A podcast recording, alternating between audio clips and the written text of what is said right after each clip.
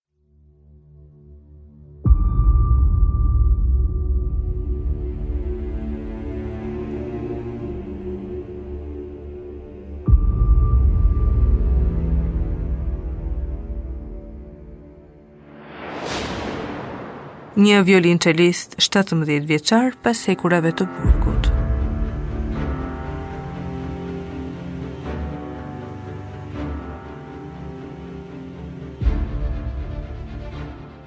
Ndrek Bazhdari, liceisti i Tiranës që u angazhua në lëvizjen antikomuniste edhe pse në moshë të mitur, vuajti torturat në hetuesinë e diktaturës dhe u dënua me 14 vjet burg. Shqipëria në kohën e komunizmit në podcast.com.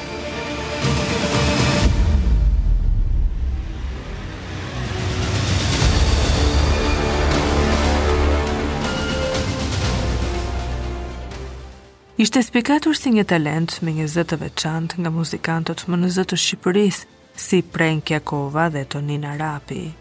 Ndrek Bazhdari ishte një ndër të rinjtë shkodranë me talent dhe kështu nisi me pasion rrugën e bukur të artit.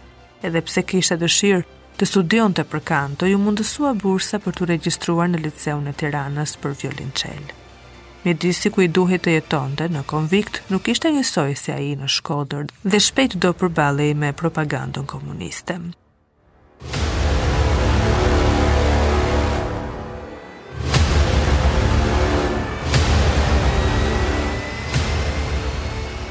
Kur filluam shkollën të detyruar edhe të banonim në konvikt, Ne, studentët e Shkodrës, vumë re një kontrast të fortë midis ambientit të ri që gjetëm atje dhe nga vinim.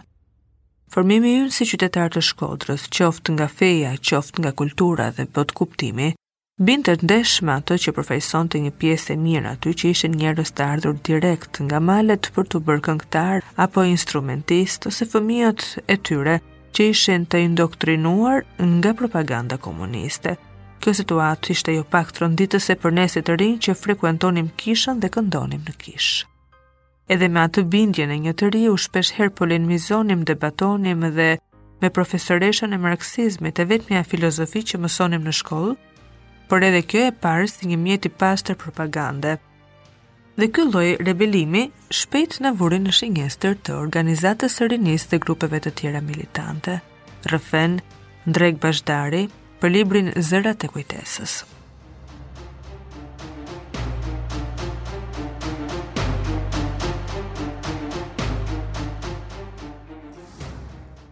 Ngjarja e rëndë e jetës së tij do të ndodhte në vitin një mijë e nëntëqind e pesëdhjetë e gjashtë, një kohë kur kishte shpërthyer revolucioni hungarez.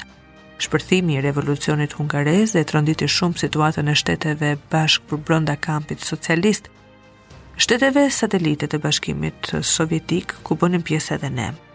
Tani dhe shqiptarët filluan të shpresonin se mund të bëhej diçka edhe këtu, dhe ndër të parët që u solidarizuan në këtë shpresë, ishim edhe ne, tre studentë shkodranë. Ne krijuam një grup me qëllim propagandimin e ideve të revolucionit hungarez dhe përhapjen e tyre sa më gjërë. Baza e aktiviteteve tona ishin traktet, ne arritëm të përpilonim vetë trakte. Natyrisht, për këtë aksion na ndihmoi dhe fakt që unë kisha një vëlla dizenjator prej të cilit siguruam bazën materiale që në atë kohë ishte shumë e vështirë për t'u gjetur. Unë disponoja letër format që nuk gjendej në asnjë vënd, bojë kine dhe kisha një shkrim goxha të mirë. Shokët e mi ishin Nikolin Pavaci dhe Karlo Cefa. Ishte dhënë urdhër i qeverisë asaj kohe që të gjithë institucionet në orën 10 të mëngjesit deri në orën 12 të drekës do të dilin të dëgjonin informacionet mbi ngjarjet në Budapest dhe në mbarë Hungarinë që shpërndaheshin përmes radios me altoparlantë të instaluar nëpër rrugë dhe nëpër institucione. Edhe ne i shfrytëzuam këto raste, pra, grumbullime të tilla njerëzish për të shpërndarë traktet dhe për t'i dhënë një frymë si të thuash më revolucionare atyre përpjekjeve që bënte populli hungarez kundra pushtimit rus. Traktet e përpiluara prej nesh i hodhëm në Tiranë dhe në Shkodër. rrëfente Bazhdari.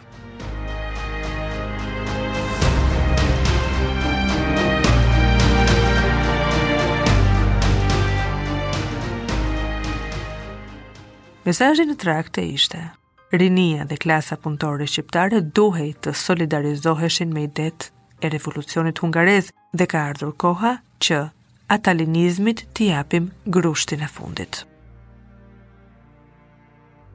Nuk do të kalonte shumë kohë dhe Ndreka si shumë të rinj të tjerë shkodranë do të arrestohej. Më arrestuan më 21 prill të vitit 1957, ditën e Pashkëve, dhe unë me dy shokë të liceut, por jo shokët e grupit, njëri flautist dhe tjetri violinçelist, Ishim në rrugë për të shkuar në kishë, në kishën Françeskane, e cila ndodhej në rrugën që të çonte tek pazari i ri. Unë që në mëngjes munda të vija re që më ishin vënë mbrapa dy persona të mbajtur dhe të veshur mirë, për të cilët më vonë mora vesh se paskëshin qenë ish-kryetari i degës së Shkodrës, Feçor Shehu dhe kryetari i hetuesisë së Tiranës Besim Selita. Në kohën kur mbërritëm para derës, së degës që ndodhet tek Selvia, dërguan një polic, na ndalën dhe na morën e na futën brenda të treve. Kisha një parëndjenjë që diçka e keqe po ndodhte. Në degë salla kur na futën, ishte mbushur me oficerë sikur të ishte ndonjë ditë feste për ta, jo pashkët tona.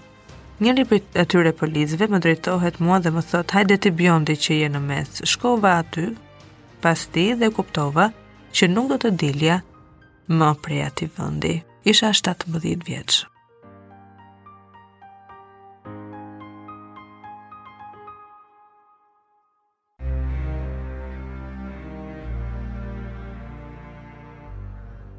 Ngjita shkallët i rrethuar me policë, a thua sikur kishin kapur ndonjë të rrezikshëm. sikur të kishin kapur Hamit Matjanin. Më ngjitën lart në zyrë edhe kur ç'të shoh.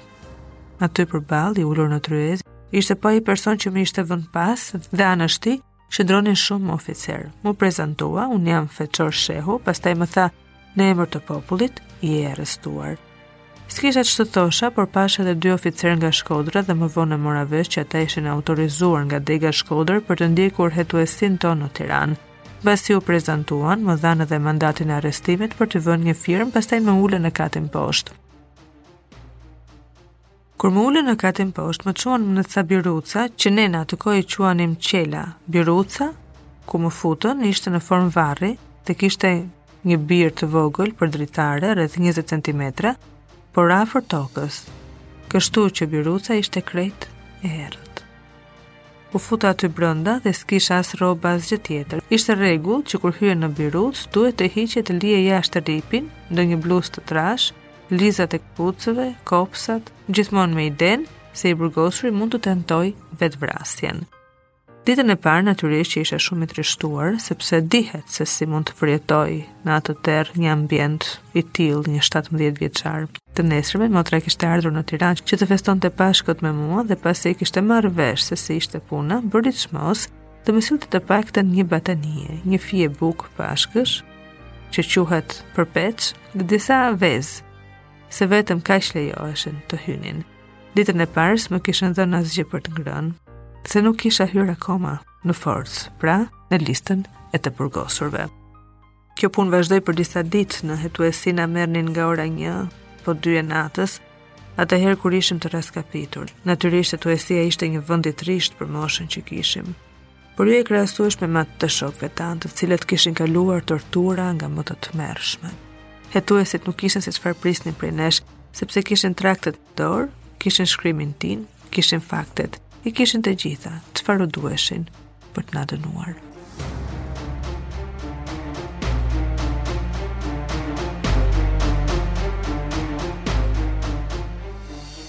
Shqipëria në kohën e komunizmit,